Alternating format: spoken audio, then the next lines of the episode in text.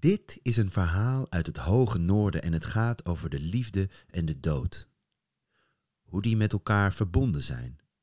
Want de liefde is mooi, maar brengt ook verandering en zet je leven op zijn kop. Volgens de Inuit die dit verhaal vertellen, is de liefde een verbinding tussen twee wezens die hen in staat stelt contact te hebben met de wereld van de ziel. Het lot, de dans met de kringloop van leven, dood, leven.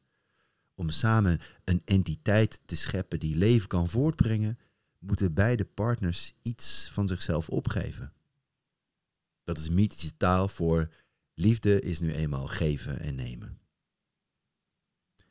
Er zijn drie manieren om aan een avontuur te beginnen: kwaadaardig, eerbiedig of stuntelig.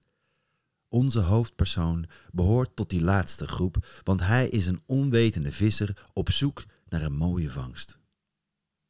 Maar voordat we bij hem op de punt van zijn kajak gaan zitten, turend over de koude golven voor de kust van Groenland, moeten we heel even een paar eeuwen terug in de tijd. Want daar begint het verhaal van de skelettenvrouw. Dit is Tien Wijze Heksen, een podcast vol sprookjes, verhalen, mythes en legendes.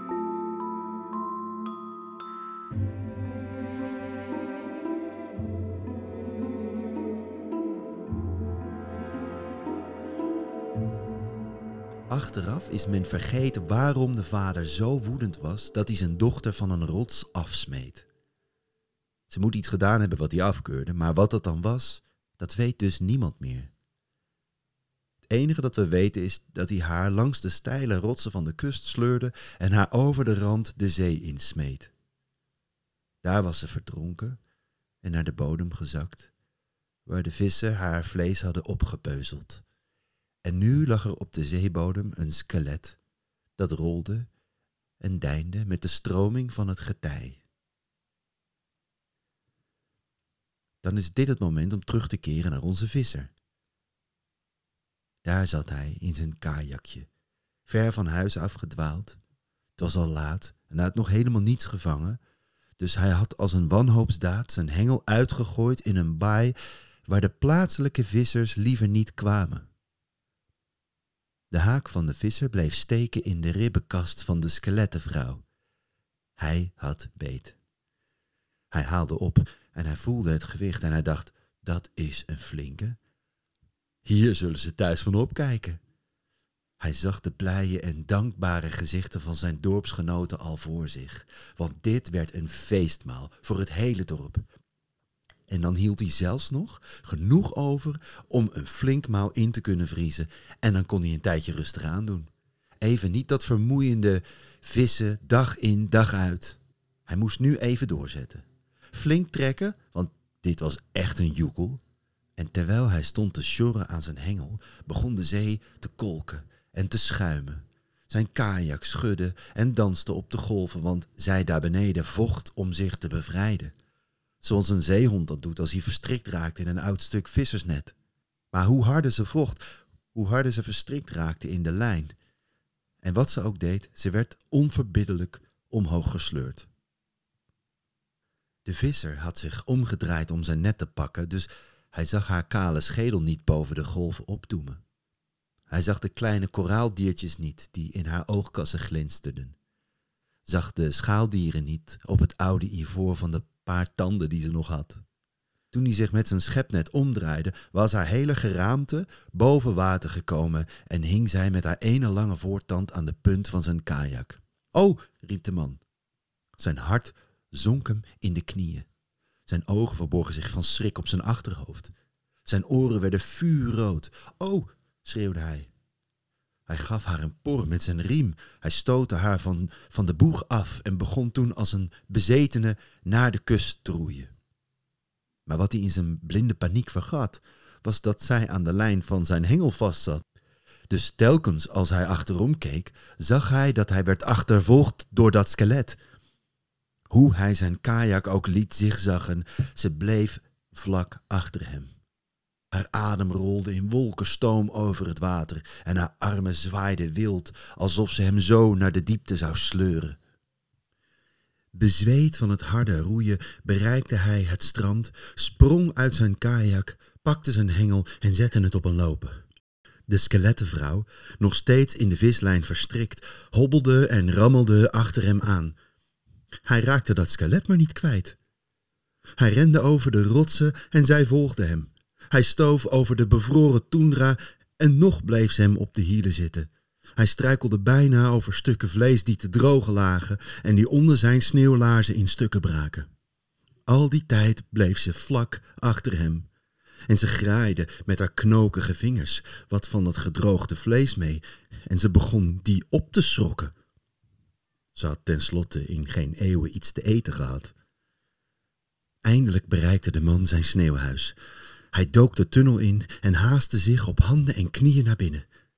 En daar in het donker bleef hij liggen, hijgend en snakkend naar adem, terwijl zijn hart tekeer ging als een trommel. En nu was hij veilig. De goden zij dank, raaf, schepper, brenger van licht. Dank u wel, Setna, moeder van de zee. Zijn hart kwam tot rust en hij kwam weer tot zichzelf en het lukte hem om een olielampje aan te steken.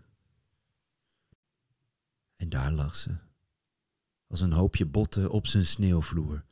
Haar linkerhiel over haar rechterschouder, een knie in haar ribbenkast, een voet over haar elleboog. Naderhand kon hij niet zeggen wat het geweest was. Misschien had het licht van het vuur haar gelaatstrekken wat verzacht, of misschien kwam het wel omdat hij een eenzame man was. Maar een gevoel van zachtmoedigheid vulde zijn gemoed.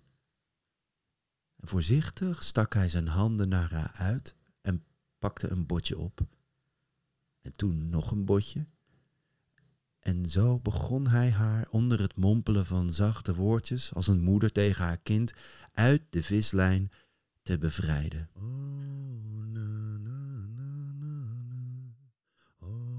Eerst maakte hij haar tenen los, daarna haar enkels. En zo werkte hij tot diep in de nacht door, totdat de botten van de skelettenvrouw weer allemaal zaten waar ze bij een mens horen te zitten. Vervolgens wikkelde hij haar in een bondvel om haar lekker warm te houden. Hij pakte een vuursteen uit zijn leren mouw, gebruikte wat van zijn haar om nog wat meer vuur te maken, en toen dacht hij: ik ga mijn hengel opbergen. En terwijl hij het kostbare hout van zijn hengel in de olie zette en de vislijn opwond, liet hij af en toe zijn blik op haar rusten.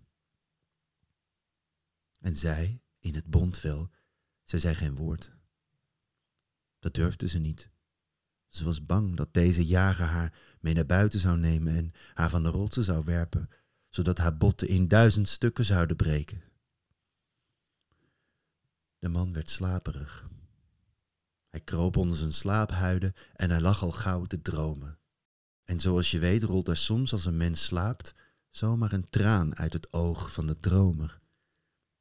Je weet nooit door wat voor soort droom dit veroorzaakt wordt, maar wel dat het een droom vol droefheid of verlangen is. En dit gebeurde nu ook bij de man. De skelettenvrouw zag de traan glinsteren in het schijnsel van het vuur en plotseling kreeg ze zo'n dorst. Ze kroop rammelend en ratelend naar de slapende man toe en zette haar mond aan die traan. Die ene traan was als een rivier. En ze dronk en dronk en dronk en dronk tot haar jarenlange dorst gelest was. Toen, naast hem liggend, stak ze haar hand in de borst van de slapende man en haalde zijn hart eruit. De machtige trommel. Ze ging zitten en begon op beide zijden ervan te roffelen. Terwijl ze op de trommel sloeg, begon ze luid te zingen. Vlees, vlees, vlees, vlees, vlees. Tijdens het zingen groeide er langzaam maar zeker weer vlees, op haar bot. Ze zong zich een spleet tussen haar benen en borsten die zo lang waren dat ze zich ermee kon warmen. En alles wat een vrouw verder nodig heeft. En toen ze helemaal klaar was, zong ze ook nog de slapende man de kleren van het lijf en kroop bij hem in bed met haar huid tegen zijn huid. Ze stopte de grote trommel, zijn hart, weer in zijn lichaam. En zo werden ze wakker, in een innige omhelzing, verstrengeld na hun nacht samen. Maar nu op een andere manier. Een die goed en blijvend was. De mensen die niet meer weten waarom het haar aanvankelijk zo slecht vergaan was, zeggen dat zij en de visser samen vertrokken en altijd goed te eten hadden, dankzij de schepsels die zij in haar leven onder water had leren kennen. De mensen zeggen dat het echt gebeurd is. En meer weten ze er niet van. Dit was Tien Wijze Heksen. Een podcast vol sprookjes, verhalen, mythes. Tot de volgende keer.